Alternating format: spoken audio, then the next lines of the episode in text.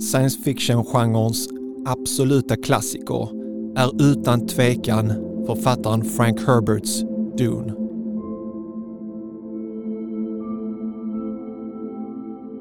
Frank Herbert föddes i Tacoma i den amerikanska delstaten Washington 1920 och gick bort 1986. Han var en mycket framgångsrik författare och utkom 1965 med boken Dune. Boken belönades med både the Hugo Award and the Nebula Award. Vintern 2020 släpptes också filmatiseringen av Dune som blev till en stor succé. Filmen fick hela sex Oscar-vinster för bland annat bästa filmmusik, bästa foto och bästa specialeffekter. Dune blev den stora vinnaren på Oscargalan 2022 där den även nominerades för bästa film. Salam alaikum och hjärtligt välkommen till Koranpodden och till säsongens sista poddavsnitt. Med detta avsnitt avrundar jag säsong 8. Jag heter Salih Tufekcioglu och detta är Koranpodden. Podcasten där vi möter kunniga syskon för att diskutera populärkultur som på olika sätt inspireras av islam och som fördjupar vår förståelse av vår egna tro. Dune är historien om Paul Atreides, en ung man som möter ett storslaget öde. Tillsammans med sin familj reser han till den farligaste planeten i universum för att säkerställa sin familjs och sitt folks framtid.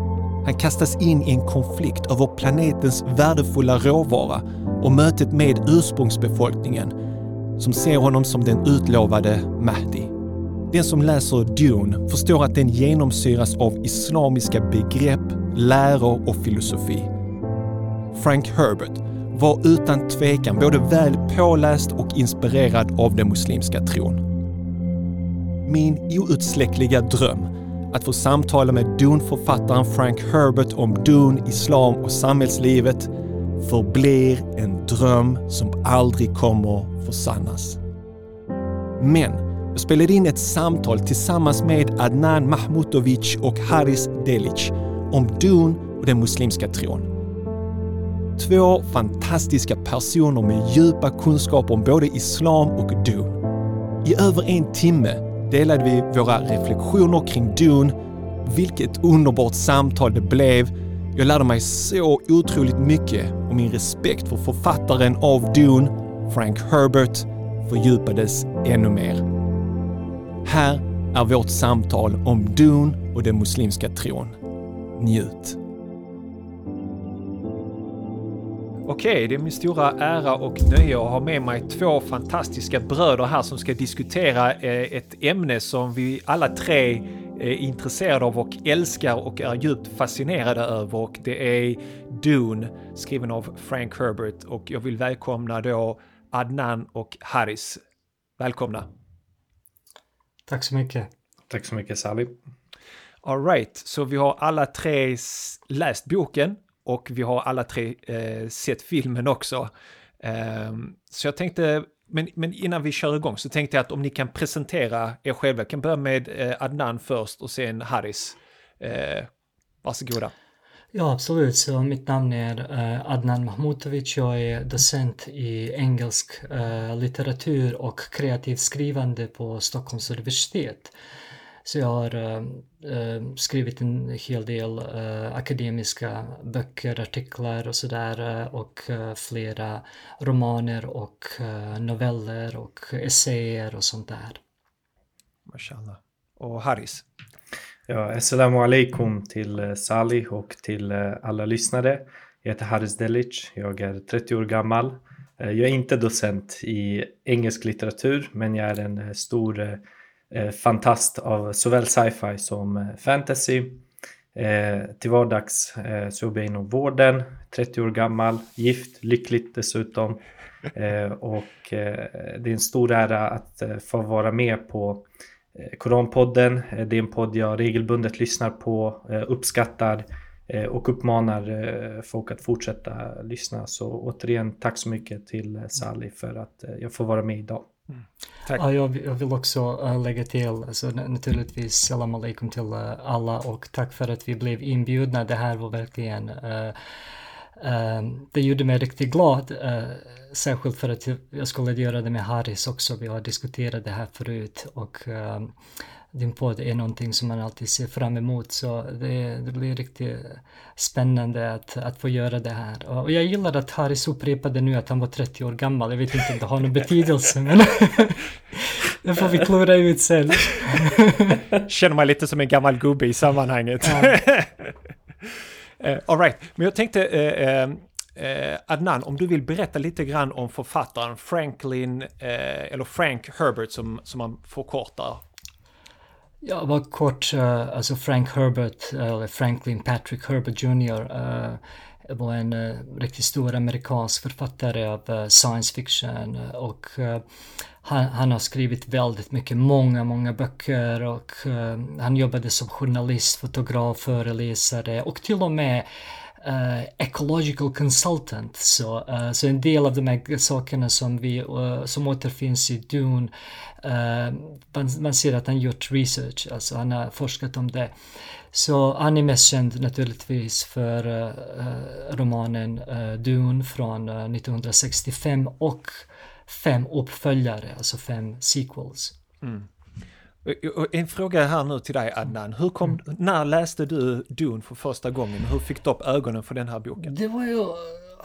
Ja, alltså Dune kom jag i kontakt med först som tonåring eh, genom uh, David Lynches uh, filmen. Den gamla uh, filmen som... Som Ja, ja, verkligen. Jag tyckte det var så spännande att se den och det var ingen i min omgivning som ens kollade på science fiction eh, mycket eller eh, läste science fiction och jag eh, var så fascinerad av, av, filmen att jag gav den till alla mina flickvänner som jag hade, inte samtidigt naturligtvis. och följden av det var att de lämnade mig efter det. Så det var något samband mellan att de fick se Dune och lämnade. De tyckte säkert att jag var konstig. Så, uh, så det var mina första erfarenheter av uh, Dune som tonåring. Ja. Så du såg filmen först och sen läste ja, ja, böckerna? Ja, ja absolut. Okay. precis. Mm. Kanon. Uh, Harris, jag tänkte du ska få den uh, lätta uppgiften att uh, summera Dune-boken för yeah. oss. Uh, så spoiler alert här för de som inte har läst boken eller sett filmen. Vi kommer kanske nämna saker och ting i filmen och så vidare. Men du får den här äran att, av att summera och om du också kan berätta när du kom i kontakt med Dune första gången. Yes. Um jag eh, gjorde lite som Adnan också, att jag eh, såg filmen först eh, när den kom ut. Jag tror det var i november förra året om jag inte minns helt fel. Och eh, jag blev eh, helt fascinerad av eh, filmen och konceptet. Jag kände till att boken existerade och nu när jag tittar tillbaka så var den faktiskt på min to read-list. Tyvärr dock för långt ner, inser jag i efterhand. Så jag läste klart boken eh, strax därefter eh, och eh, har även nästan läst klart resten av böckerna i Dune-serien. Då. Så Dune, det handlar om, det utspelar sig i en avlägsen framtid ungefär 20 000 år efter vår nuvarande tideräkning i ett, i ett, man kan säga i, ett, i en galax eh, som eh, eh, styrs av en Emperor Padishah på toppen. Eh, och eh, det som he hela konceptet bygger på att det finns olika planeter och att olika familjer styr liksom de här planeterna. Så det är någon form av feudalt system. och relevant för boken är att handlingen i Dune har föregåtts av att människor har börjat utveckla eh, artificiell intelligens eh, så pass att eh, den har liksom överträffat mänsklig intelligens och blivit självstyrande, man ska säga. Och detta har då förorsakat en händelse som de kallar för The Butlerian Jihad. Eh, och eh, med anledning av den, för att inte komma in för mycket på det, eh, så har man beslutat sig för att förbjuda dels AI men också all form av digital processering. Så det existerar inga processorer, Eh, datorer på något sätt. Eh, så på så sätt är det en liksom lågteknologisk värld. Eh, men de har andra eh, mer teknologiska eh, utvecklingar eh, än vad vi har just nu. Då. Och i, så det är bakgrunden till hela filmen och vi följer i Dune-boken och i filmen en Paul Atreides.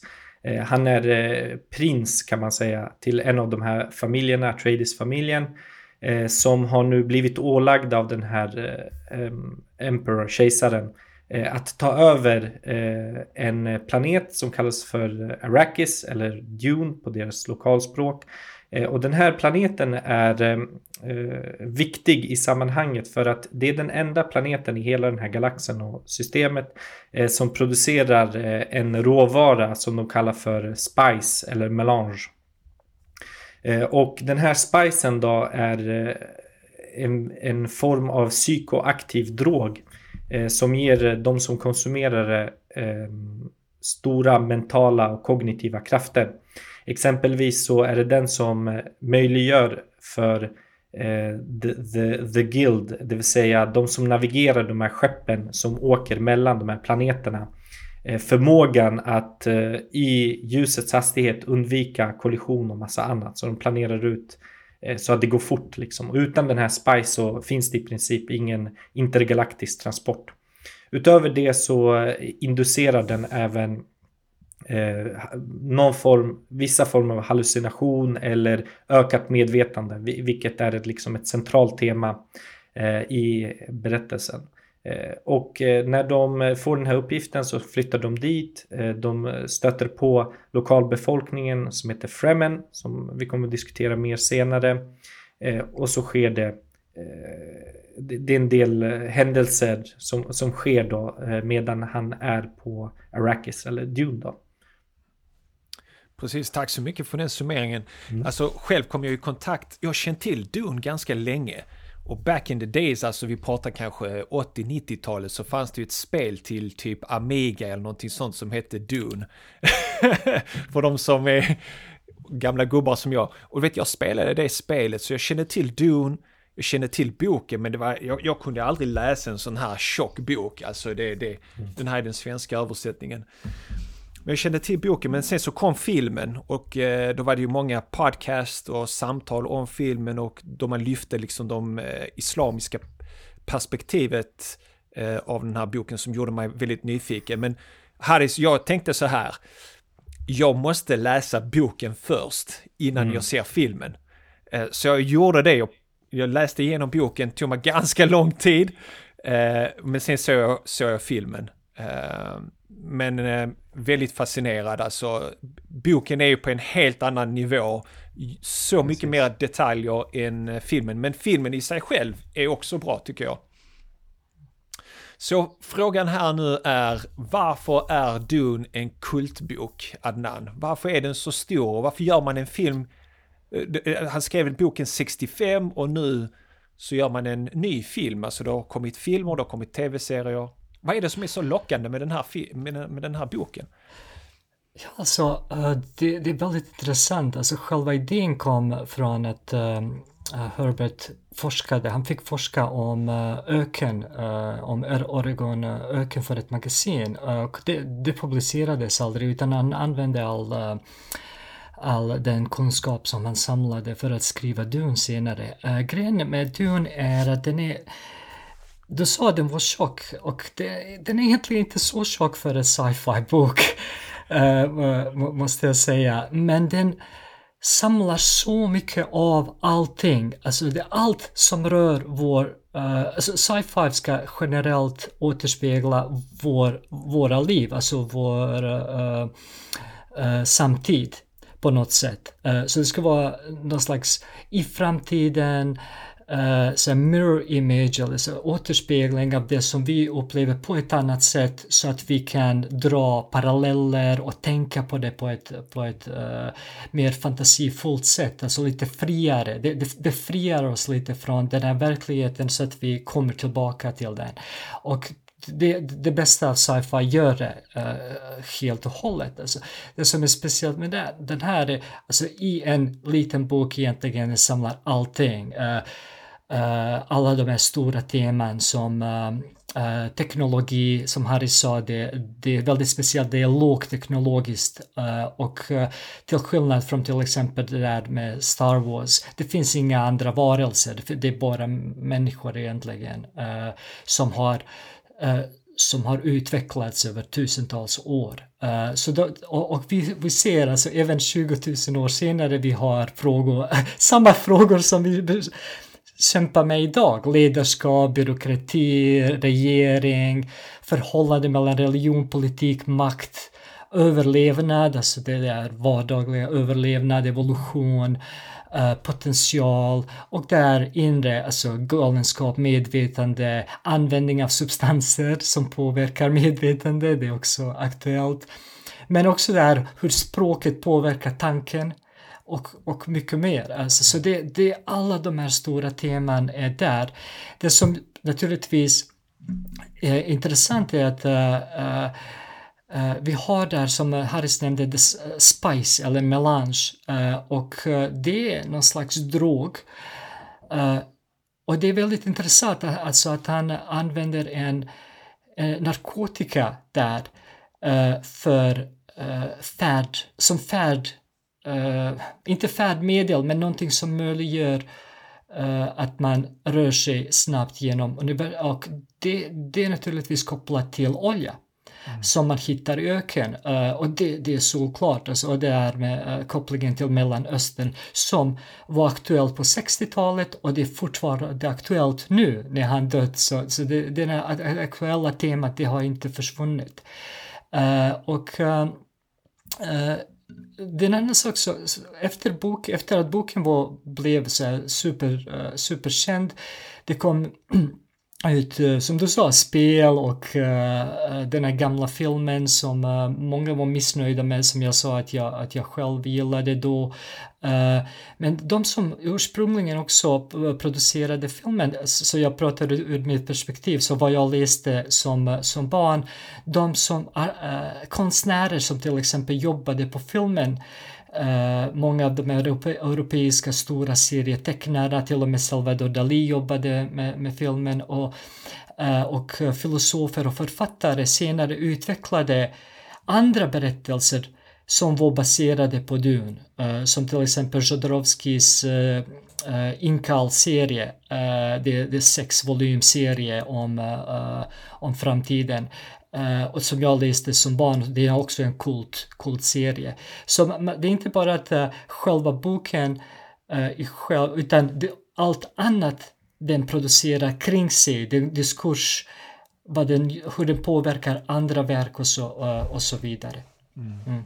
Du nämnde Star Wars där, det, man kan ju se att Star Wars är väldigt påverkade av Dune på olika sätt. Eh, mm. Och Frank Herbert fick den frågan också. Absolut. det var nog lite, lite konkurrens där mellan Star Wars och Dune. Eh. Mm. Men Harry, så jag tänkte ställa den frågan till dig också. Alltså, vad är det som, som fångar dig med, med den här boken och filmen? Vad var det som, som fängslade dig?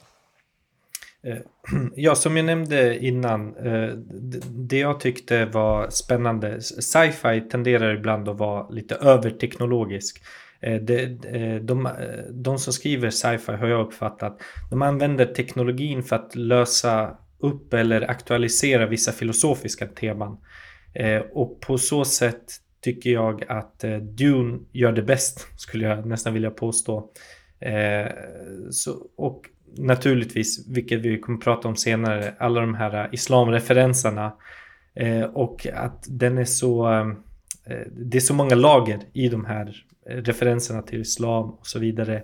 Eh, och ju mer man tänker på det, desto mer upptäcker man. Och eh, så sammanfattningsvis skulle jag säga mixen av hur han använder storyn för att lösa upp liksom vissa filosofiska knutar eller frågeställningar och samtidigt inkorporera islam. Det är inget annat än mästerligt helt enkelt om du frågar mig. Jag instämmer där, alltså han skapar en värld eh, och, och, man kan inte, för mig kräver det ganska mycket ansträngning att läsa boken. Alltså jag måste vara fokuserad, jag måste tänka och så vidare. Och, och det är det som jag tycker om, just som eh, Adnan var inne på, att det är så många olika aspekter. Det är samhällsfrågor, det är teologi, det är moral, etik, det är ledarskap. Allt det här liksom blandat i en enda härlig blandning med liksom kryddat av olika islamiska begrepp och så vidare. Ja. Eh, så att vi kommer till det nu eh, strax, men han måste, eh, väldigt, han måste varit väldigt påläst, Frank Herbert. Men vi, vi, du nämnde, nämnde det här Hadis med de här eh, referenserna till islam. Så att jag tänkte yeah. spela upp ett eh, kort klipp här av Frank Herbert där han blir intervjuad om Dune och aspekterna av islam. Eh, vi, jag hoppas att ni kan höra det också samtidigt här, annars klipper jag in det senare i podden. Men jag spelar den här nu genom YouTube.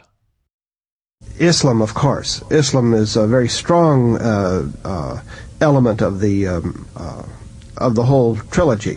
Mm -hmm. We tend in this uh, culture not to study Islam and not to recognize how much it has com- contributed to our culture. Mm-hmm. Uh, because uh, uh of the uh, religious wars out of which our present consciousness has come, the awareness. But we owe Islam um, enormous debts of gratitude.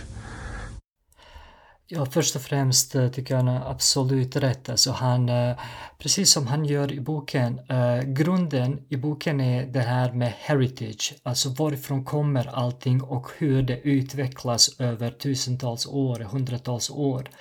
Eh, och, och när han säger att vi har mycket att tacka islam, han har absolut rätt. Det, det finns ofantligt många exempel i alla i alla områden där islam har haft stor positiv um, anda som, som, som, som fört framsteg, som, som fört eh, folk vidare och att, att utveckla allt från teknologi till medicin, eh, eh moral, eh, litteratur, eh, forskning, allt, allt möjligt.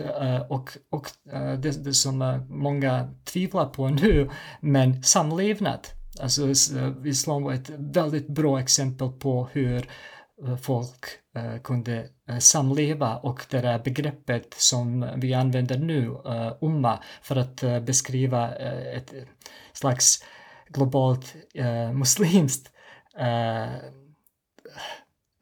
sammanhang eller, eller, eller, uh, eller ja, uh, community uh, egentligen uh, förr i tiden betydde, det innefattade alla uh, ursprungligen. Så, så det är väldigt mycket det där ursprungliga som han går till och utvecklar och ser hur det har uh, utvecklats. Um, jag tycker eh, själv, alltså, vad, vad gäller isla, eh, islams användning i boken så som han gjorde det, och som du sa tidigare, han måste ha forskat jättemycket om det här. Alltså det, när man läser boken, om, även om man är påläst muslim, det, det är säkert mycket man missar. För att jag tror inte uh, många muslimer känner till vissa begrepp som han använder på ett sånt utsökt fantastiskt djupt sätt. Uh, eh, det, det, jag tror inte många faktiskt förstår sådana begrepp som, eh, som han har, så det, det är otroligt, otroligt fascinerande. Och han gör det genom att använda det i det som vi kallar för world building. Det är väldigt speciellt för science fiction, fantasy och alla, alla sådana här genrer där man inte känner till världen. Det är inte vår värld, det är en annan värld. Så man måste, som du sa, det finns mycket detaljer. Man måste beskriva den här världen. Hur fungerar den? Um, och uh, uh, så, så, som sagt, det är typiskt för sci-fi. Uh, och vad gäller islam, alltså först och främst ser man uh, de här islamiska idéerna bland den här eh, uh, ökenbefolkningen på Arrakis, alltså uh, Fremen.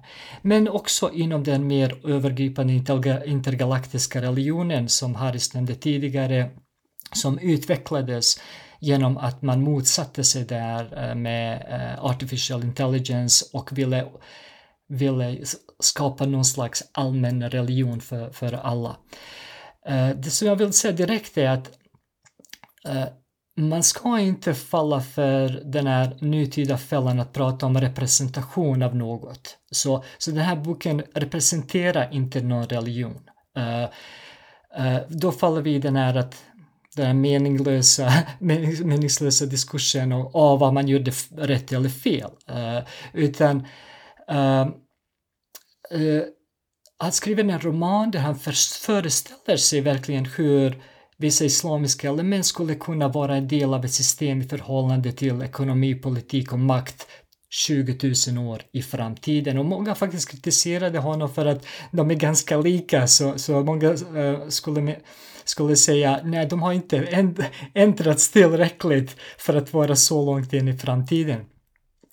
Eh, så för mig är det riktigt fascinerande hur till exempel Fremen eh, påminner i sin anda om, eh, om Jemen i många år, som jag sa, från 60-talet till nu, kanske det är det enda stället i hela världen som stått emot den globala kapitalismen och som lider ofantligt, alltså som utnyttjas, som inte gick med att anpassa islam till kapitalismen och fick sota för det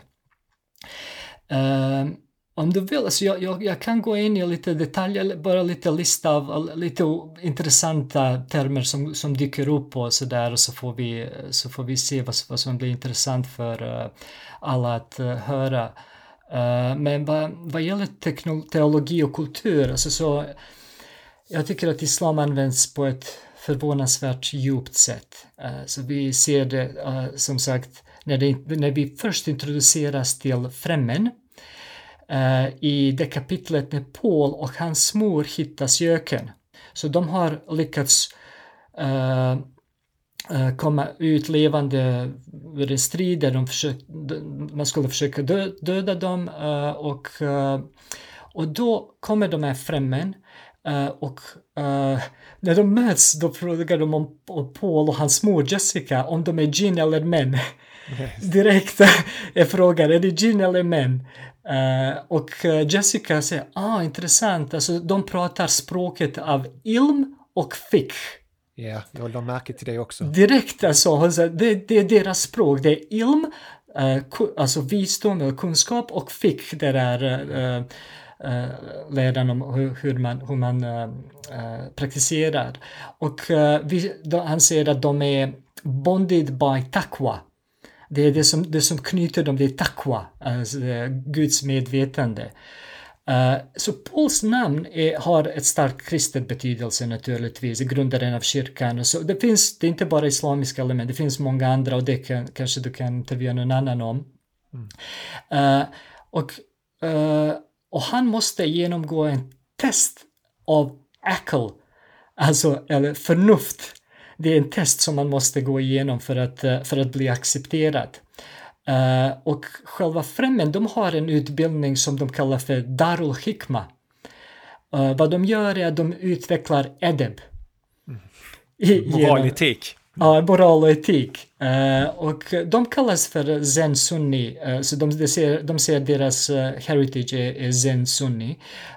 vissa kallas för Evliya som betyder Guds vänner, de har salat prayer, vi har kulturella referenser till abaya, mishmish, baklava yes. och, och, allt sånt där. Jag tyckte det var jätteintressant hur Jessica, hon beundrar främmen för att det är bara där hon kan dricka vad hon blir erbjuden utan att behöva tänka att någon kommer att förgifta henne. Mm. Annars i hela boken, hela tiden de pratar om uh, den här faran att någon kommer att förgifta dem. Det är bara bland dem, uh, bland, bland främmen, som de är orädda att någonting blir förgiftat. Mm. Uh, och uh, också det där att de håller privata liv heliga, så det finns inget, de spionerar inte på varandra. Så det är bara främmen som, har, som har det där privatlivet är heligt, uh, mat och dryck är heligt, inte förgiftat, där är gästfrihet, alltså, så det, det är så super alltså hur muslimer och uh, beduiner levde på, på, på den tiden, så där, om deras levnadssätt. Jag tror många jag, som... Ja, förlåt. Jag, jag, känner bara att vi kanske behöver introducera vem Jessica är också. Här. Ja, just Jessica är Pauls uh, mor. Uh, och hon är...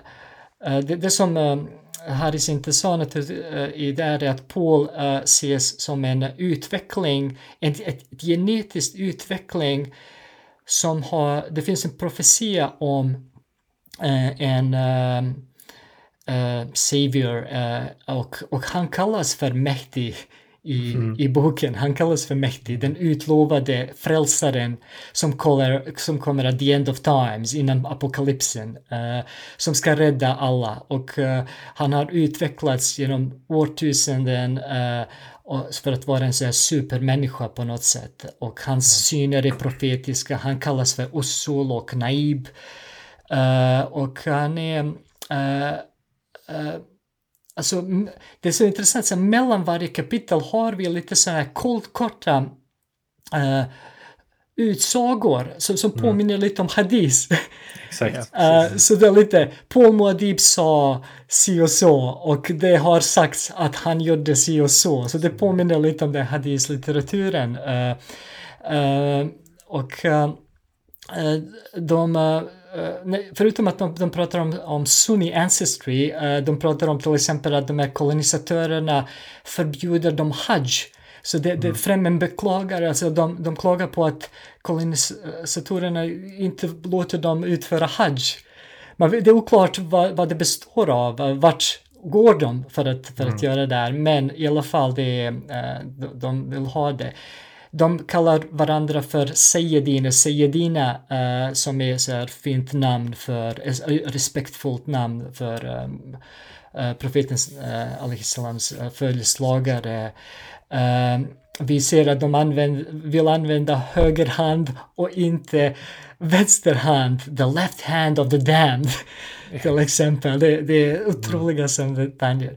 Um, för att, för att säga några, några saker till som, som jag tyckte var riktigt djupa som uh, kanske uh, andra kommer känna igen. Som till exempel, jag reagerade starkt på att så främmen förknippar deras djupt blåa ögon och de här djupt blåa ögonen de uh, visar att de är en del av Arrakis eller Dune-planeten. för att de har tag, de, de bor i ett Alltså ett geografiskt område som, där allting, luften är full av det där spice eller melange och det är det som gör att ögonen blir djupa. Uh, så egentligen skulle man säga att de är hela tiden höga. De är inte hela tiden påtända, så att säga. Uh, men de kallar det här uh, Ibadas blåa ögon.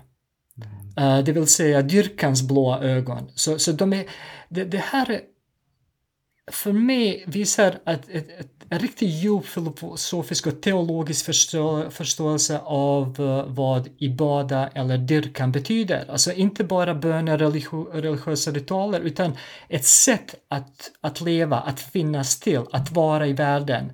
Och det, det här tycker jag är riktigt djupt. Alltså det, det är inte någonting som man bara läser någonstans i någon mm. encyklopedi. Alltså. Uh, särskilt för att uh, ja, alltså, man, man, kan inte bara hitta det. Och på den tiden som Harry sa till mig häromdagen, det fanns inte Google. Mm. Man kunde inte bara slå upp det. Och, och, även nu med Google, det går inte bara att hitta sånt där. Så det är ett djupt seriöst engagemang med ett uh, arv. Uh, det är ingen exotifiering, det är inte uh, rent exotiskt eller utsmyckning av prosan. Allting ska fungera organiskt i den värld, alltså berättelsen utspelar sig i, och det menar jag med worldbuilding. Så uh, ett sista exempel på det här organiska approach uh, Eh, är den kombination av vilka grundtermer och de här lokala inslagen. Så vi vet att varje religion har en massa lokala egenskaper, utvecklas naturligt eh, och, och, och sådär. Vi ser uh, i boken att det är ofta bundet till geografiska områden, ekonomi, politik, men samtidigt formas i förhållande till, det, till de andliga grunderna, så det är ett samspel mellan, mellan dem. Uh, och uh, till exempel, de, man ser till exempel att de nästan dyrkar de här stora maskarna, Shai Hulud, de kallas för Shai Hulud. Uh, och det, det, blir nästan lite kyrk över det.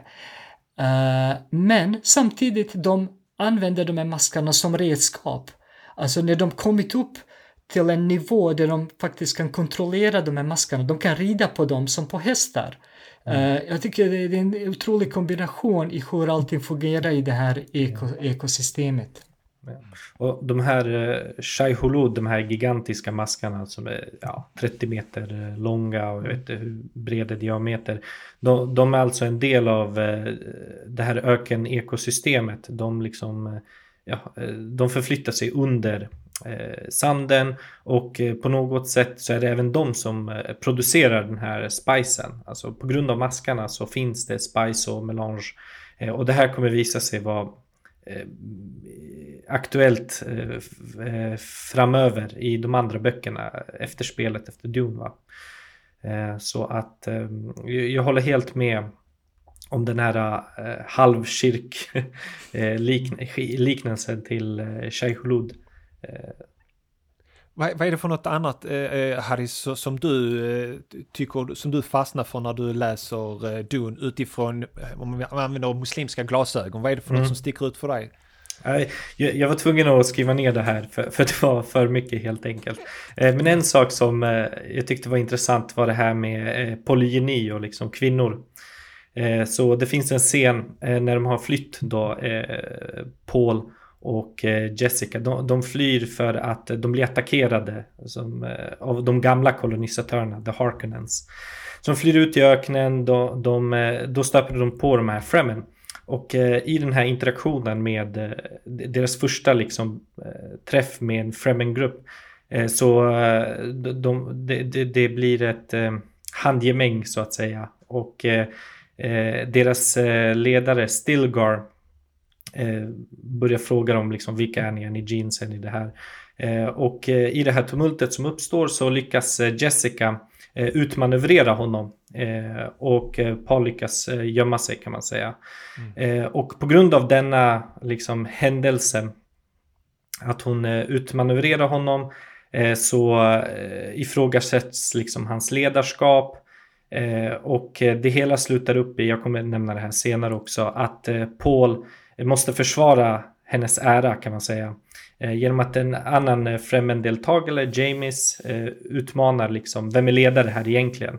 Eh, om du har utmanövrerat honom, liksom, då borde du vara ledare. Och jag erkänner inte ditt ledarskap, så han vill slåss om det till döden. Men han kan inte utmana henne för hon har fått titel Sejidina. Eh, så Paul måste då eh, slåss med James. Och det slutar upp med att han dödar honom helt enkelt. Eh, och när de återvänder då till deras eh, eh, underjordiska stat, stad som heter Siege så framkommer det då exempelvis att eftersom han har dödat James, då, en ursprungsfremen, så har han även erövrat hans kvinna. Då. Och det här är ju inte liksom någon strikt liksom stringent islamisk logik, men, men vi har ju liksom dokumenterade historiska liksom hänvisningar kring det här med exempelvis som din högra hand eh, possesses eh, och så vidare. Så, så, det finns ju något element av det. Eh, och eh, också intressant på temat kvinnor. på vägen liksom till den här Sich Tabari så vinner han över hans vatten. Vi kommer prata mer om vatten, att det egentligen eh, står som en form av valuta kan man säga på Dune. Eh, och eh, för att han inte ska bära allt det här vattnet så ger han över det till eh, en av de här eh, kvinnorna i det här sällskapet då, som heter Chani som han sedan gifter sig med. Eh, och det här också tolkas då som, en, eh, som ett äktenskapsförslag. Liksom. Eh, att ge vatten eller pengar eller brudgåva eller mer om man nu så vill. Det är som att erbjuda ett äktenskap. Han förstod ju inte det då och det blev ju en liten förlägen situation. Va? Eh, så, så vi har de två eh, sakerna och sen vidare i nästa bok, eh, han får ju barn så småningom. han döper henne till Ranima. Så eh, eh, den här eh, dottern då till Ranima och det står ju för krigsbyte vad jag förstått liksom. Så också en interreferens i själva liksom boken. Och slutligen också det här med fleräktenskap. Det visar sig sen när han har i slutet på boken när han har liksom erövrat Arrakis och avsatt den här kejsaren eh, Eh, så måste han ändå upprätthålla någon form av politisk balans för att de andra ska acceptera honom. Han är accepterad hos Fremen och den lokala liksom, befolkningen men inte i övriga eh, eh övriga eh, galaktiska riket. Så det han gör då är att han ingår ett politiskt äktenskap eh, med dottern till den här kejsaren som heter Irulan. Eh, och eh, som Adna nämnde tidigare, bara för att demonstrera djupet i det här. Eh, de här korta snippets eller korta utdragen som kommer mellan kapitlen som påminner om hadither är oftast nedtecknade av just Irulan. och man kan dra den parallellen till Muhammed salam och, och liksom Aisha att, radiallahu anha, att eh hon är ju en av de största återberättarna och var frun liksom till det. Mm. Så till viss del, det, det, kräver inte särskilt mycket liksom extrapolering eh, för att få ut de här eh, man-kvinna eh, relationerna där lokalt på Rakis och, och, hur det kan eller se ut inom islam eller har sett ut eh, till viss del.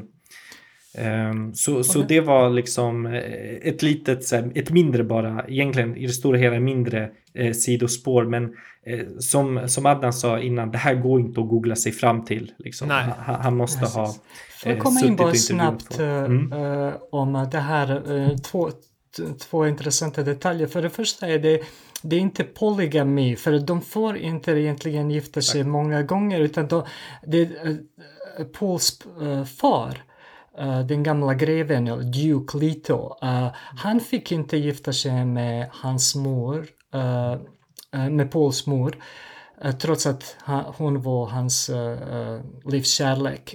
han ville det, men han gjorde det inte utifall han skulle gifta sig med politiskt, av politiska skäl med någon kvinna från någon, någon, annan familj. Så han egentligen förblev ogift men hade men, men det här eh, att, att ha concubines eller älskarinnor eller någonting och, och deras barn är fullt legitima mm. arvtagare, eh, det, det är helt okej. Okay. Så Eh, Eh, så Paul väljer att inte gifta sig med den här kvinnan eh, och han föreslår, de erbjuder honom, de, det är inte så att du har bara ett val, de bjuder honom och henne flera olika möjligheter hur de vill ha det här förhållandet. Eh, och det, det, det, det, kommer med vissa väldigt utvecklade, om man säger fick, begränsningar så han kan inte bara strula till det. Alltså han kan inte bara göra vad han vill uh, utan yeah. det finns vissa begränsningar som han måste följa. Uh, och när han väljer att till exempel uh, gifta sig politiskt med Irland det är ju den här främlingskvinnan som som blir hans, som förblir hans, hans kärlek. Mm. Så de har verkligen fasta regler hur det ja. hela fungerar. Det är inte lite på måfå sådär. Mm. Det finns ju eh, de som säger att det här med Paul är anspelningar på profeten Muhammed sallallahu alaihi wasallam. Eh, och det, det intressanta som jag reflekterade över när jag läste boken men också såg filmen, det var de här drömmarna som Paul hade i början som sen visade sig att vara sanna. Yeah. Och det är ju samma sak med profeten Muhammed, över honom var Guds frid, att innan han fick profetskapet genom ängeln Gabriel så hade han också drömmar som sen visade sig vara sanna. Så där ser man några intressanta paralleller. Men jag skulle vilja komma tillbaka till vattnet också. Yeah. Det är häftigt i filmen när eh, den här Fremen kommer fram och bara spottar på bordet liksom. och det var det. hans sätt att visa liksom eh, uppskattning och så. För att vatten är så värdefullt så spottet, en loska då, är ett sätt att visa respekt för varandra. Men Eh, på sidan ska vi se, 61 i den svenska översättningen så citeras han här eh, läkaren, Juhe, eh, tror jag han heter. Mm. Och han öppnar, han citerar ur en bok som de har som heter Kalima. Han öppnade sidan 467 där det stod citat, från vatten utgår allt liv. Yeah. Och detta är alltså av en helig text som heter Orange, Orange katolsk bibel. Yeah. Uh, och i Koranen, sura 21, vers 30, så står det uh, Vi har låtit allt liv uppstå av vatten. Slutcitat. Så det, det, det är sådana här djupa Yeah. saker som han har. Och det som jag tänker för mig själv är, var var muslimerna när Frank Herbert levde? Varför satte sig inte en muslim och hade ett djupt samtal med honom just med hans tankar om islam, alla de här olika aspekterna av fiqh, ilm, Koranen, referenser till jihad. Han, han, han pratar om det här Butlers jihad som ni nämnde tidigare. Inte som någonting negativt. Idag vågar liksom nästan ingen att nämna jihad för att det är så stämplat begrepp.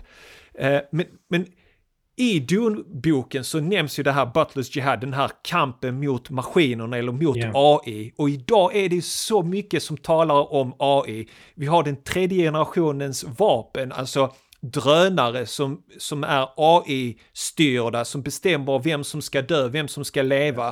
Eh, och på sidan 23 i boken så står det så här. En gång överlät människan, eller människorna sitt tänkande åt maskiner i förhoppning att det skulle göra dem fria. Men det gjorde det bara möjligt för andra människor med maskiner att förslava dem. Yeah. Så, ja, alltså, och, och det, är bara, det nämns bara på förbifarten, det här i Dune-boken, Butlers Jihad och om det här maskinuppror, eh, upproret. Eh, någonting som är liksom som en röd tråd i Terminator-filmerna Ja, som vi får precis. senare.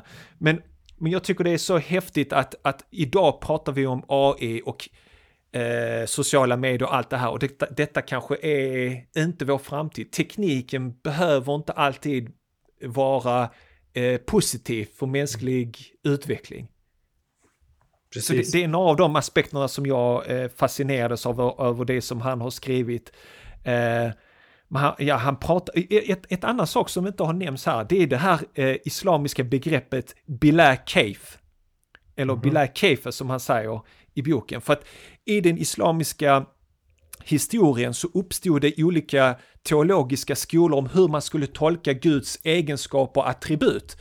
Um, och det var då, då fanns det vissa skolor som sa att vi, vi, vi erkänner de attribut och de namn som Gud har, bila Keif, utan att liksom gå in i detaljer eh, och försöka förstå, utan vi bara accepterar det. Och det är ett sånt begrepp som kommer eh, i boken som han använder sig av. Eh, jag tror det är Freeman som uttalar det här, bila kaif. Eh, och i, i eh, appendix, alltså i ordförklaringen till bila kaif, så står det mer förklaring behövs inte i den svenska översättningen. Yeah. Och det är ganska nice förståelse av Bilal Kaif. Eh, att mer förklaring behövs inte utan vi accepterar det så som det.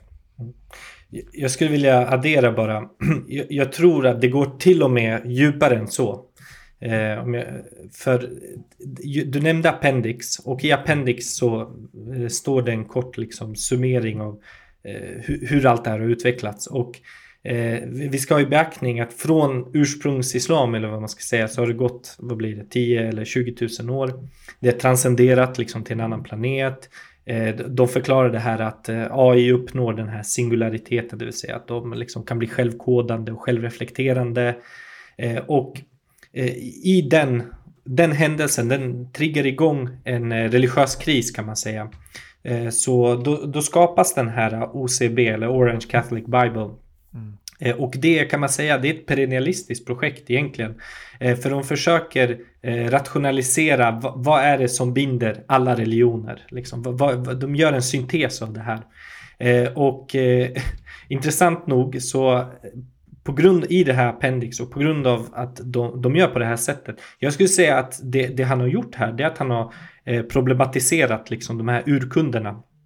Eh, eh han, har kommit in på hela den här Akida-debatten. Eh, det här med rationalism, eh, Mu'tazila, eh, syntesen därefter liksom, Maturidi, eh, Ashari, Athari liksom. Eh, och eh, det här i mitt tycke, eh, det, jag tror det är en av de mest vansinniga demonstrationerna av hans liksom, islamiska kunskap. Eh, för, för det här är inte sånt du lär dig i, en koranskola. Eh, utan du, du måste i princip ha studerat på ett universitet för att liksom stringent kunna liksom redogöra för de här eh, teologiska begreppen. Ehm, så att apropå appendix, om ni, om ni tillåter mig bara läsa lite ur den. Så, så, och ännu en demonstration av hur djupgående han har förstått det här. Eh, så står det så här. Much that was called religion has carried an unconscious attitude of hostility toward life. True religion must teach that life is filled with joys, pleasing to the eye of God. The knowledge without action is empty. All men must see that their teaching of religion by rules and rote is largely a hoax. The proper teaching is recognized with ease. You can know it without fail because it awakens within you that sensation which tells you this is something you've always known. Bara på de här korta tre meningarna, han har fångat upp, jag ska lista nu. Först har han fångat upp en eh, hadith, jag tror det står i Bukhari men jag är inte säker. Det här med att religionen är enkel. Alltså vi, den är enkel för er. Så, så, så, han, har fångat, han refererar till den skulle jag säga. Men det är också det här att han kritiserar hela det här fickbegreppet efteråt med taklid. Att man ska bara blint följa och, och, och att eh, han säger det, all men must see that the teaching of religion by rules and rote is largely a hoax. Så han uppmuntrar liksom att självtänkande. Och slutligen, han summerar det hela eh, också med att eh, hänvisa till fitra. Alltså den här inneboende gudstron som eh, muslimer tror att alla människor föds med. Så han säger You can know it without fail, det vill säga du kan induktiv, eller intuitivt förstå det. Because it awakens with you that sensation which tells you this is something you've always known. Mm. Och eh, det är därför eh, vi, vi, säger ju, eh, eller man brukar säga revertera till islam. För att vi, vi, vi menar ju då att alla föds ju som muslimer eller med fitra. Eh, och när man accepterar det, till fullo liksom intellektuellt eh, så inser man att man bara återgår till sitt eh, ursprungliga liksom, tillstånd. Det vill säga man inser att det är enkelt. Så kort sagt helt fascinerande hur, hur han, det, det, här är ju alltså fyra meningar. Mm. som han liksom sammanfattat allt det här med och man, man behöver veta allt det här, känna till för, för att kunna uppskatta det till fullo. Absolut, jag håller med och vill bara lägga till att eh, det som han säger i eh, det, det som du läst här uh, utspelas i boken, det är alltså dramatiserat i, i, i själva romanen. Så det, det här ser vi uh, i praktiken i alla de här scenerna alla de här upplevelserna, de här drömmarna som Salih nämnde, de här profetiska drömmar, eh, det här uppvaknandet när de kommer till sig själva, när de inser någonting om sig själva, vem de är, varifrån de kommer. Att eh, de pratar hela tiden i boken om att se djupt in uh, och hur djupt kan man se? Uh, och då säger Paul att de är Reverend Mothers, de här uh, Bene Gesserit som har den här förmågan att att titta in i generna nästan så djupt så att, så att titta igenom generna den här, och hitta den här historien och den här utvecklingen. Uh, och att Paul själv, varför är han den där utvalde? Jo, för han kan se ännu djupare. Så det, det handlar om hur djupt kan du se in i i det här som redan finns där. Uh, att, att hitta den här fitra, eller hur den kommer, uh, hur det kommer upp. Uh, ja. Mm. Ett, ett annat begrepp som man också nämner, alltså det är ju det här istisla. Eh, I hela stammens intresse, eller det som kallas för maslaha. Maslaha, ja precis. Alltså, du vet, alltså om du inte hittar svaret i Koranen eller i Sunna så ska du använda ditt förnuft för att komma fram till det som är det mest gynnsamma. Och eh, Imam al-Razali pratar om att det finns då fem olika aspekter av det som religionen alltid ska skydda och alltid främja. Det är religionen, livet, förnuftet, avkomman och egendom och så vidare. Att, att, att Maslaha ska skydda de här viktiga mm. aspekterna. Så det är återigen, alltså han har inte googlat detta. Alltså mm. han måste ha studerat äh, böcker, jag vet inte, har han träffat någon mufti kanske eller mm. vet, så, haft väldigt djupa samtal, han måste ha haft djupa samtal med någon för att just tränga igenom ytkunskapen. Eh, det är de här frågorna jag skulle vilja ställa Frank Herbert och det är därför jag tänker så här när jag förberedde inför det här samtalet, när jag läste hans bok, varför var det inte någon muslim som satt ner och spelade in så att vi har det samtalet bevarat idag? Det är det mm. som jag saknar. Ja, det, det, alltså man skulle nästan kunna föreställa sig en, en bok eller en hel serie, ja, ja, en Netflix-serie med samtal med Frank Herbert. Uh, och inte bara muslimer uh, utan uh, folk från andra religioner för han, han är väldigt kunnig i andra religioner och de som är kunniga i dem skulle säkert kunna se mycket mer än, än vi gör. och som sagt, det här, är, det här är för personligt för att vara bara någonting som, som man läser. Det, det går inte att hitta i en bok. Du måste läsa många böcker, men också att anamma att, att, att det kommer in i det på ett sätt. Så det, det är inte bara refererat. Som jag sa, det är mm. inte utsmyckningar. Det, det är organiskt inbakat i den här världen. Det fungerar verkligen så som det ska. Uh, det fungerar på alla de plan där det ska funka. Uh, och, uh, och det har, allt har sin funktion på, på, på det bästa sättet så att säga. Uh, och det är inte bara som säga ah, kolla det här ordet, listen El Gaib eller någonting. Det, det är inte bara det, mm. alltså, spontana ord. Det, det, det, är just det här som, som Harry sa, de här tre olika nivåerna. Så var, varifrån får man någonting? Alltså, vad är nästa steget? De här diskussionerna, mm. uh, känna till det uh, och faktiskt dra slutsatser och ta ställning. Mm. Det, allt det där finns här. Så mm. känna till, uh, förstå och ta ställning. Mm. mm. Jag, jag har en intressant fråga till er båda två. Yeah. Kan man vara var Frank Herbert troende? Alltså måste man nå till den graden för att skriva det här som han har gjort? Eller kan han vara icke-troende och skriva och komma fram till de här djupa insikterna? Om ni får spekulera och, och fundera. Men menar du troende generellt eller? Ja, troende generellt. Ja. Jag, jag är helt övertygad om att han, han eh, måste ha varit troende i bemärkelsen att han måste ha trott Eh, på liksom en högre makt åtminstone eller någonting. För, och det Adnan sa, den här liksom återupprepningen, det, det, är inte det det här handlar om, att han bara återupprepar och liksom refererar och så vidare. Han måste på djupet ha förstått det här och eh, satt in sig i psyket och liksom troende eh, för, att, eh, för, för, att använda de här begreppen organiskt. Så eh, jag tror att han var troende på något sätt i alla fall. Ja, alltså utan, utan att gå in i, i det och, och bestämma om han var troende och vad, vad, han trodde på. I alla fall, det, det, det här tyder på just det, här, det hans kritik av den här syntesen, det, det, här, det, här försöket, äh, det här försöket att syntesera äh, en religion, en kosmisk religion som, äh, som på något sätt ska gälla alla det, det ser han igenom direkt. Alltså det, det anspelar alla de här försöken genom historien att faktiskt uh, att faktiskt ta religionen till någon så abstrakt nivå och säga det här det här gäller och det här gäller för alla och det här är det, det som vi har gemensamt. Han, han menar just den här hänvisningen till genetiken uh, att uh, allt det här är vår arv. arv.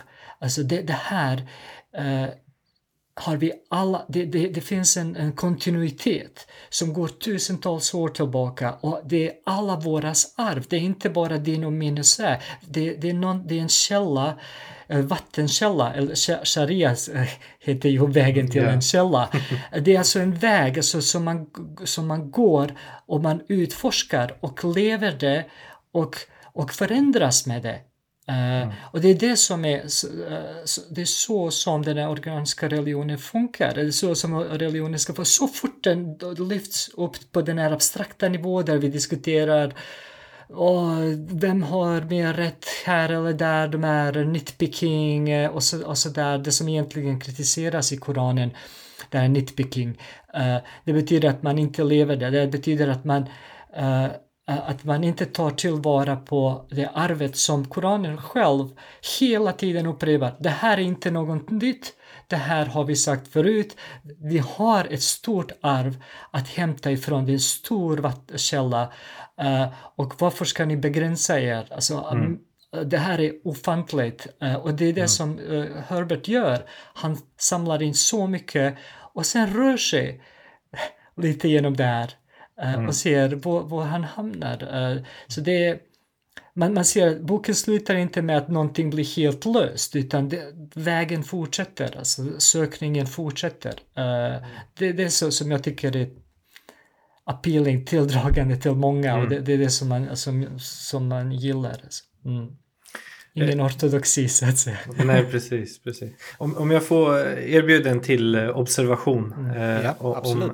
Apropå det här. Eh, jag, tycker han eh, också eh, han beskriver en radikaliseringsprocess. Det här med nitpicking, att liksom folk tar ut till det extrema eller ingen kontextuell tolkning av saker och ting. Och jag har skrivit lite om det. Och bara för i, historien då, som Adda nämnde, han, han får ju förmågan att titta in i framtiden på ett eller annat sätt. Och han förutspår då att han kommer bli den här Mehdi Eh, Messiasfiguren för dem. Han kommer leda in dem i Jihad som man eh, kallar det för. Eh, de kommer erövra liksom både Arrakis och liksom hela hela galaxen i stort. Va? Och, det här påminner mig lite om den här hadithen med Salman al-Farisi och på, på Hendek Eh, alltså eh, när eh, Mushikin skulle attackera muslimerna i Medina och Salman al-Farisi gav dem rådet att liksom gräva en vallgrav runt och så vidare. Och, och då Muhammed Ali salam hjälpte till att gräva den här graven och när, eller vallgraven. När han gjorde det så slog han i en sten och för varje gång han slog i det så, så sa han Futihat Rum, Futihat Sham. Alltså vi, har, vi, vi kommer att erövra eh, Rom, vi kommer att erövra liksom Levanten och så vidare.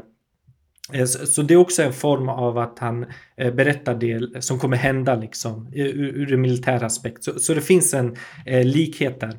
Eh, men, men en, lit, en detalj där det skiljer sig åt det är att eh, på, i boken så säger Paul Muad'Dib Eh, Eh, han säger ju då att eh, på grund av det här, eller det, det som kommer ske, eh, det är att eh, Arrakis och Dune, eh, det kommer förvandlas till ett eh, paradis. Alltså han utlovar dem ett paradis på jorden eller på planeten. Eh, det kommer finnas vatten, vilket de älskar och det är liksom deras valuta som vi har pratat om. Det kommer finnas grönska och så vidare. Eh, så, så han utlovar dem med de sakerna. Eh, men han ser också att konsekvensen av den här erövringen, det kommer vara död och för, för, förföljelse. Eh, och han försöker undvika det här, men varje gång han tittar in i framtiden så ändras den. Så att man, man, kan säga att det, det, jag vill argumentera för här är att och en till detalj, förlåt, innan jag nämner mitt Nej, argument. Kör på, kör på. Det, det är att eh, Shai Hulud, de här eh, stora maskarna som eh, skapar den här melange, den här spicen som eh, får dem att uppleva de här religiösa upplevelserna, fremen. Den tål inte vatten. De, de skyr vatten. Så det som händer framöver, förlåt för lite spoiler, det är att, eh, att de kan inte längre existera, Shai Hulud, på den här planeten. För att eh, det är grönt och det är vatten. Så man kan säga på ett sätt, deras jihad eller deras kamp har korrumperat dem på grund av de här eh, deras syfte eller målet eller det som lovades var de här världsliga sakerna, vatten och grönska, vilket de värderar högst. Eh, medan eh, Muhammed Ali salam eh, gjorde aldrig eh, några sådana utfästelser, om, om jag har förstått saken rätt, att, eh, eh att, att eh, poängen med att han säger det här är att Guds religion kommer spridas. Ni kommer få eh, belöningar i paradiset, alltså inte på denna jord eh, och, och så vidare. Va? Eh, så det, det, var bara, det var bara en liten intressant observation eh, hur det generellt funkar eh, skulle jag vilja argumentera för när de här radikaliseringsprocesserna kickar in. Man, man utlovar ett paradis liksom här på jorden och man gör vad som, vad som helst liksom för att nå till det målet utan att kolla på metoderna. Och i det här fallet i, i, boken så är det just metoderna, det vill säga att det blir vatten och grönt, som orsakar deras fördärv genom att de här eh, maskarna dör och den här spicen försvinner då eh, på ett eller annat sätt. Så, så ba, bara en koppling till det här när vi pratade om ortodoxi och nitpicking och så vidare. Mm. Jättefint. Jag, jag, det som jag också fascineras över är att, att han pratar om sen sunni. Ja, alltså att han har mm. blandat zen-buddhismen ja, med sunni-islam. Eh, och, och, det var ju här på Koranpodden hade jag ett samtal med en buddhist för att så fort man läser en bok om Buddhas liv eller om buddhismen så ser man liksom så många paralleller mellan islam och buddhismen och så vidare. Så det, det är intressant att han har slått ihop de här två och gjort det till, till liksom en tradition om man säger så. 20 000 år in i, i framtiden. Ja, absolut, absolut. Finns det någonting i, i, i, nu kommer jag ställa en lite kontroversiell fråga kanske Finns det någonting i Dune-boken som ni inte tycker om? Som ni inte håller med Frank Herbert? Mm.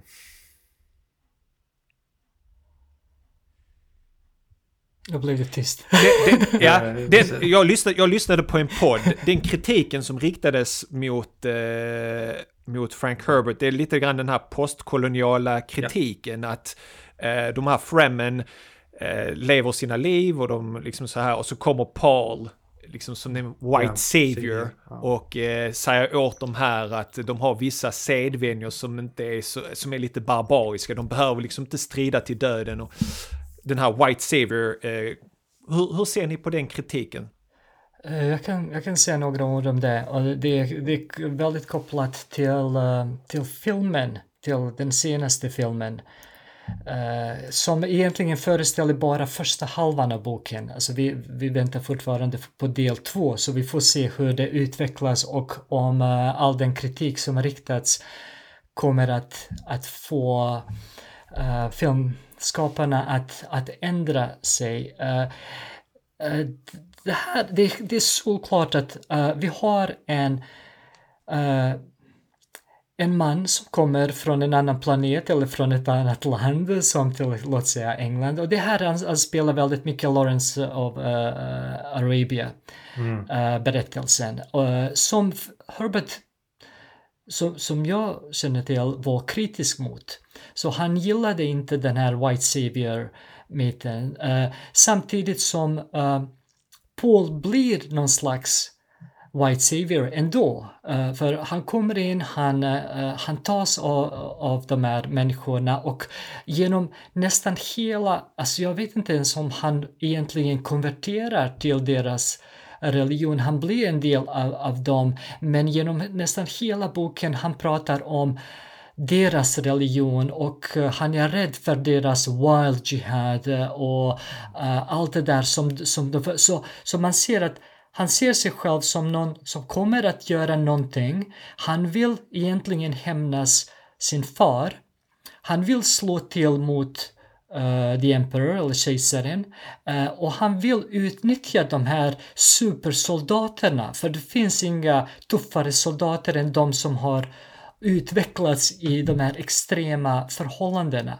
Uh, så, så genom hela den här första boken han, han blir en del av dem och det är därför de ser han har fortfarande inte the blue eyes of Adab, uh, of, uh, of uh, inte Adab, of Ibada. Av Ibada. Alltså, uh, de, de, vet att han inte blivit en del av dem samtidigt som han är en profetia uh, som, som de har.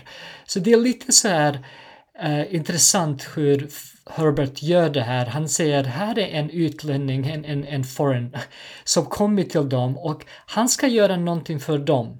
Men han vägrar bli en del av dem på riktigt. Uh, han, han har ett, ett avstånd uh, till mm. dem. Så småningom blir han det, men han, jag tror inte han riktigt accepterar till exempel deras tro, uh, vissa av deras vanor och sådär. Så, det där med White Savior blir mycket mer uh, spelar mer roll i, i filmen, för där mm. är det nästan all den här potentiella kritiken mot uh, den här Lawrence of Arabia-myten uh, som Herbert kanske haft, men kanske inte lyckats helt uh, undergräva. men han kanske inte ville det, han kanske ville bara se, säga här, Paul är inte en positiv karaktär. Han är en kolonisatör. Vi, uh, han, han gör det han gör och de kanske vinner någonting på det, han vinner någonting på det. Det är ett politiskt uh, äktenskap så att säga. Mellan, det. Men det, jag tror inte Herbert menar att Paul är en riktigt, riktigt så superpositiv, att han är typ som uh, de uh, bibliska islamiska profeterna, mm. att de är med, med så ja, han har många fel och mm. hans tänkande och hans, hans intentioner är inte helt rena. Uh, och, och, så som han spelar uh, i, i, i, hela det här. Så uh, filmen vi använder det här White Savior på ett mycket uh, skarpare sätt. Alltså det, han blir verkligen White Savior. Det finns ingenting som undergräver hans roll. Han, han utmålas som en super, uh, lite, lite superhero uh, figur. Uh, och, så återigen, vi får se vad som händer i andra delen, men i den här första delen, vi, vi har inga tecken på att, uh, på att han har, att det finns någon slags consciousness om det här, mm. det här kritiska. och det har de gjort medvetet, alltså man vet att de gjort det medvetet. De har Alltså, så, så, jag läste en del artiklar, så Haris Dorani skrev i Washington Post och många andra hardcore-fans menar att Dennis Villeneuve och hans producenter och författare uh, de gick med på det här som en gång på tiden, så på, på, på tal om det här Sal, liksom du frågade tidigare om det här med muslimska inslag. Herbert frågade, sa, alltså att hans förläggare sa till honom att, de, att han ska tona ner de här muslimska inslagen. De tyckte inte så mycket om det, men han vägrade, så det var intressant. Men det gjorde producenterna av filmen.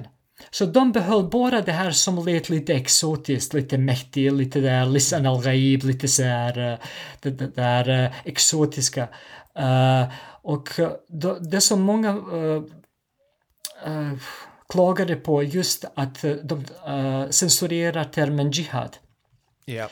Uh, det, det, är helt borttaget. Uh, uh, man använder heligt krig istället till exempel. Vi, vi vet hur pass mycket och hur brett och hur komplext ordet jihad är i boken och i appendix. Uh, appendices, där de här tilläggen. Mm. det, det, jihad betyder kampen mot kolonialismen. Det, men det betyder också kolonialism. Så, mm. så de här Harkonnen, alla de här, de, de, de har också sin egen jihad. Och uh, du nämnde Butlerian jihad mot AI. Mm. Så det är ganska bredd. Uh, och Paul känner till det, annars skulle han inte tänka genom hela boken att han är rädd för the wild jihad of the Fremen. Exakt. Uh, och det tas bort helt, helt och hållet. Alltså han verkligen går in i den här rollen, jag är den utlovade profeten. Uh, jag är mm. the white savior, jag är det här. Så det där stör mig väldigt mycket och som, som Durani sa, filmen kunde ha tagit det som Herbert inte lyckades med och utvecklat det vidare och kanske återspeglat vår samtid ännu mer. Istället mm. gick de tillbaka till det här, de reducerade, de exotifierade, de gjorde allt jag gillade filmen också, det, det, så jag vill inte dissa filmen helt och hållet. Men vad gäller vissa av de här inslagen tycker jag de har, uh, de har backat ifrån uh, mm. mycket av det som de gjorde bra. Mm. Mm. Jag, jag, tänker att uh, det, var, det, fanns en möjlighet här att nyansera begreppet jihad till Absolut. en större publik. Absolut. men då gick man miste om det. Haris, vad är dina tankar om just det här med White Savior eller just de här muslimska aspekterna försvinner i filmen? Film är ändå en film liksom. Ja. Alltså, det djupet som man har i en bok kan man aldrig riktigt reproducera i en film. Men har man gått för långt eller vad, vad är dina tankar? Nej, eh, jag tror, eller jag hoppas att man har eh, sparat de här aspekterna som, eh, som inte framkommer i första delen. Alltså första filmen, det vill säga halva boken. Till den andra filmen, det vill säga andra halvan av boken. För det är den, det är den då han introduceras till Fremen och blir deras liksom ledare. Och i boken, eh, om jag minns saken rätt, det är då han börjar bli allt mer självreflekterande över sin roll. Och jag hoppas eh, de, eh, de utvecklar liksom den interna dialogen han har med sig själv på, på ett bättre sätt. Liksom. Så, så med, med tillförsikt helt enkelt jag hoppas jag att de utvecklar det till nästa film. Jag tror filmen, nästa film kommer ut ganska sent. Och, Mm. Var det 2023, 25 något? Ja, det, Ja. Det, det är möjligt. Eh, En grej som man ska nämna med den här filmen, den, den eh, vann ju massa Oscar. Alltså helt... eh, eh, För bästa bild, tror för musik också och massa liksom. Så, så, så jag tror den här filmen kommer bli en av de här topp 10 filmerna som går till liksom någon form av filmhistoria. och i synnerhet och på när man så- jämför liksom filmtekniska med de tidigare versionerna från liksom 80-talet. Jättevackert. Mm. Ja, det, det, det går inte att jämföra i princip. Men, det- men det som också, jag, jag träffade en vän som hade sett filmen. Mm. Som såg de här, som själv är muslim. Sett filmen, sett eh, då när de säger Mahdi och sett liksom parallellerna och blev väldigt intresserad av att läsa boken. Så att jag, jag hoppas att filmen blir en möjlighet för människor Ja. att gå vidare och läsa böckerna och, och se en helt annan dimension där. Jag tror det också för att det- vi såg väldigt mycket eh, skrivande av eh, och väldigt mycket diskussioner eh, just på grund av den här filmen. Alltså man påmindes om, bo om boken, man påmindes om den här berättelsen eh, och det, det tycker jag är underbart. Alltså, så absolut inte dissar filmen eh, på, på grund av de här eh, detaljerna som Harry sa, som, så hoppas vi att de eh, väljer den rätta vägen i den andra. Men all, väldigt, alltså, det faktum att vi har den här podden just nu med det, Mm, att vi mm. pratar Dun på Koranpodden, det är ett tecken på att, att vi har haft många podcasts och många har skrivit om det, det har varit en stor diskussion, folk har blivit intresserade och det, Mm. det visar också det, så global kultur. På 60-70-talet kanske var det inte många muslimer som, som läste Dun och, Mm. och tog del av den. Så. Toppen. Vi har pratat ganska länge här, vi skulle kunna fortsätta mycket längre, men jag, Mm. jag tänker att vi ska avrunda här eh, lite grann inshallah. Så jag tänkte ge er eh, de sista orden, eh, om det är något som ni vill lyfta fram eller något som ja, ni tänker sammanfatta eller så. Ska vi börja med Haris först och sen Adnan och sen så avrundar vi på samtalet. Varsågod Haris. Ja, om jag skulle sammanfatta dels vad jag pratat om här och så. Det skulle vara nog eh, i en form av ett budskap till eh, alla lyssnare här. Att eh, jag verkligen å det starkaste eh, rekommenderar att man läser den här boken och att man reflekterar över den. Och det blir lite som ett quiz också. I bemärkelsen, känner man igen begreppen? Kan man göra de här parallellerna? Vi har, gett liksom ett litet axplock av vad man kan finna i det här. Och jag skulle verkligen vilja eh, återigen uppmuntra folk att läsa den eh, och, och se vad för lärdomar de kan eh, dra av eh, Dune. Toppen. Adnan, vad är dina sista ord och tankar? Ja, absolut, jag håller med Haris. Eh, en sak som jag bara ville eh, påpeka är att av allting som eh, boken gör och filmen också gör det på ett väldigt bra sätt. Det är det som jag, när de visade på ett väldigt, väldigt fint sätt. Eh, och det är eh, det där som ni nämnt flera gånger Sally, du nämnde det också, du hade citat, Harris också pratade om vatten som valuta. Det är ett stort problem idag. Vi, vi tänker på vatten som någonting som är, vi tar det för givet. Eh, och eh, eh, vi vet att det, det är ett stort uh, islamiskt inslag det där, den, den hadisen där profeten uh, al-Islam säger att, att man inte ska slösa vatten även om man hade väldigt mycket av det, så även om man hade en hel flod eller en sjö, att man inte ska slösa vatten. Så de visste värdet av, de, de, de, de kände det här på så djupt, det här värdet av vatten. Eh, och vi, vi vet idag, alltså, eh, med klimatfrågor, allt det där som han pratade om på 60-talet är nu ännu mer aktuellt. Eh, att när ni läser boken ni kan och ser filmen, ni kan kolla lite just hur vatten används. hur det är en valuta, salihu nämnde när han spottar, och det är ett tecken av det är alltså han slösar sitt vatten för att hedra någon. Om jag spottar, det betyder att jag inte gillar någon, men mm. han, han, menar att han gillar att han hedrar någon på ett så högt sätt att han slösar lite av sin spott. Uh, det är så otroligt. Uh, och de gråter inte för att det är att slösa vatten. Men samtidigt, de kallas för Backa the Weepers, alltså Backa betyder att gråta på arabiska uh, och att gråta är en stor gåva, alltså stor kärlek i det att, att gråta, för de får inte gråta. Mm. Uh, och så, så, jag tycker att det här, det här ekologiska budskapet är någonting som är kanske en av de mest viktiga för oss. Mm. Uh, som, är, som jag tycker att vi som muslimer inte utnyttjar till, uh, tillräckligt. Det, det är vårt arv. Vi känner till det, men vi har inte tagit vara på det och blivit en del av det här ekologiska tänkandet i våra tider som uh, med klimatförändringar. Vi har inte utnyttjat potentialet i vår religion till uh, att aktivt delta i det här på uh, lokalt och globalt nivå. Mm. Och boken visar oss som du, du, du, du hade där citatet, eller när han säger själv, uh, du spelade upp det, uh, där potentialen, där, där är vikten uh, av islam. Här har vi någonting som, är, som vi skulle kunna utnyttja. Han såg det, varför ser vi inte det? Mm. mm. Jag, jag, vill, jag skriver så mycket under det ni har sagt, så viktiga påminnelser och summeringar. Det enda som jag kan tillägga är att det finns intervjuer med Frank Herbert på YouTube. Eh, bland annat han håller ett tal till, eh, till ungdomar, eh, till studerande och även någon längre intervju också. Så att eh, har man sett filmen, läst böckerna och vill ha lite andra perspektiv också så kan man eh, lyssna på de eh, intervjuerna också.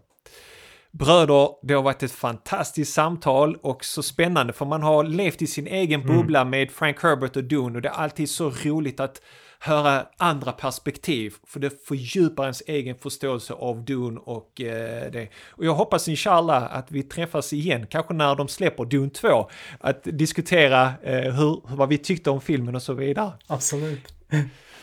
Tusen tack för att ni har varit med. Jag önskar er en fortsatt trevlig dag. Salam alaikum. Tusen tack. Salam alaikum.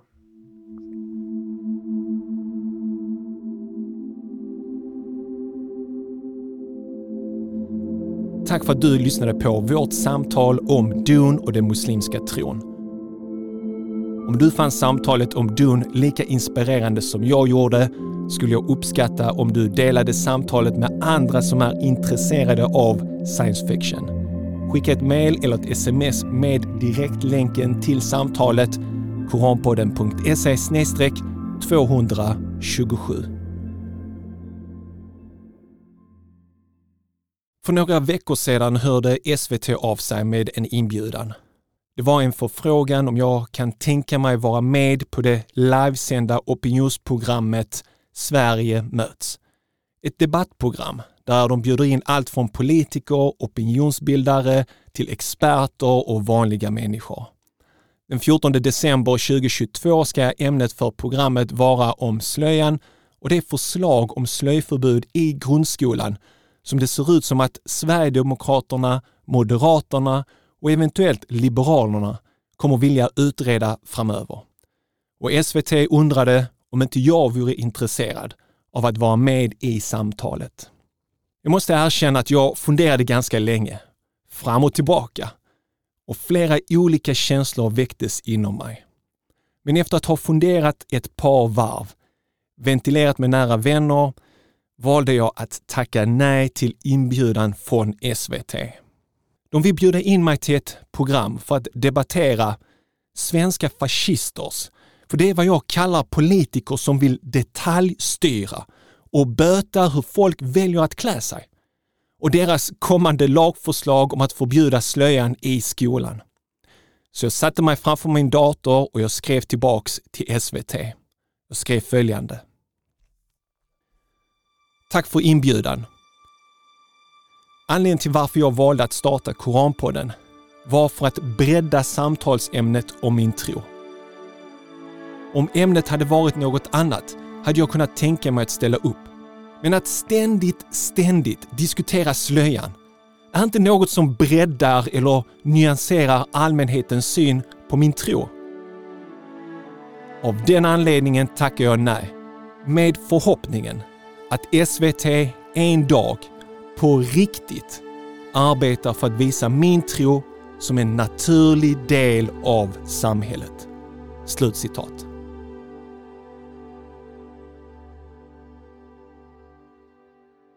Då var detta allt för säsong 8.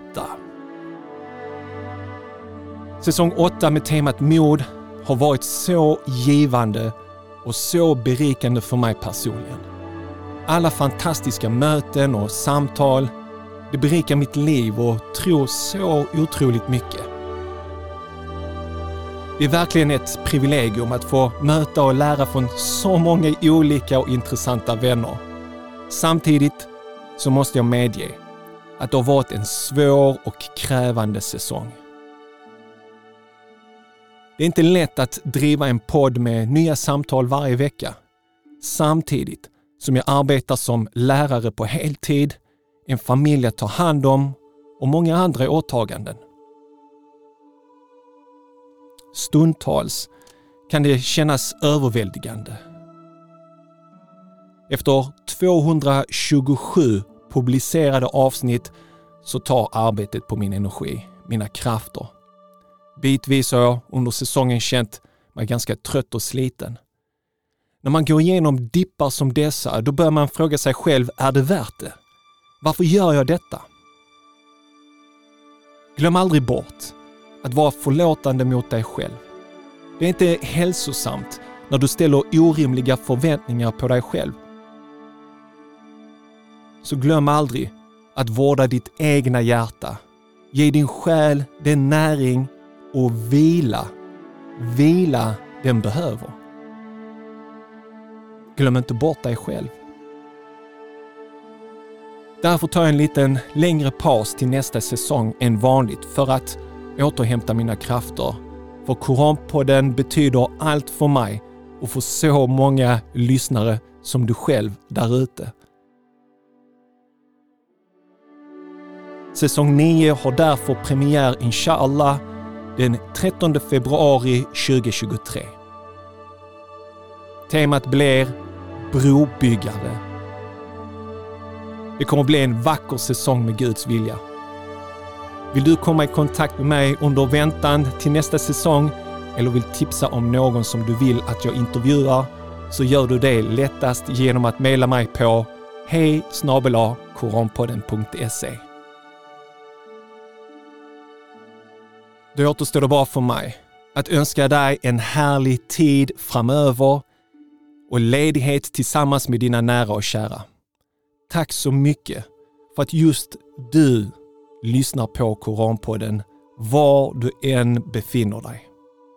Vi hörs igen måndagen den 13 februari 2023 med ännu en ny säsong. Ta hand om dig tills dess Salamu alaikum wa rahmatullahi wa barakatuhu. Må Guds frid, nåd och välsignelser var med dig min vän, var du än befinner dig.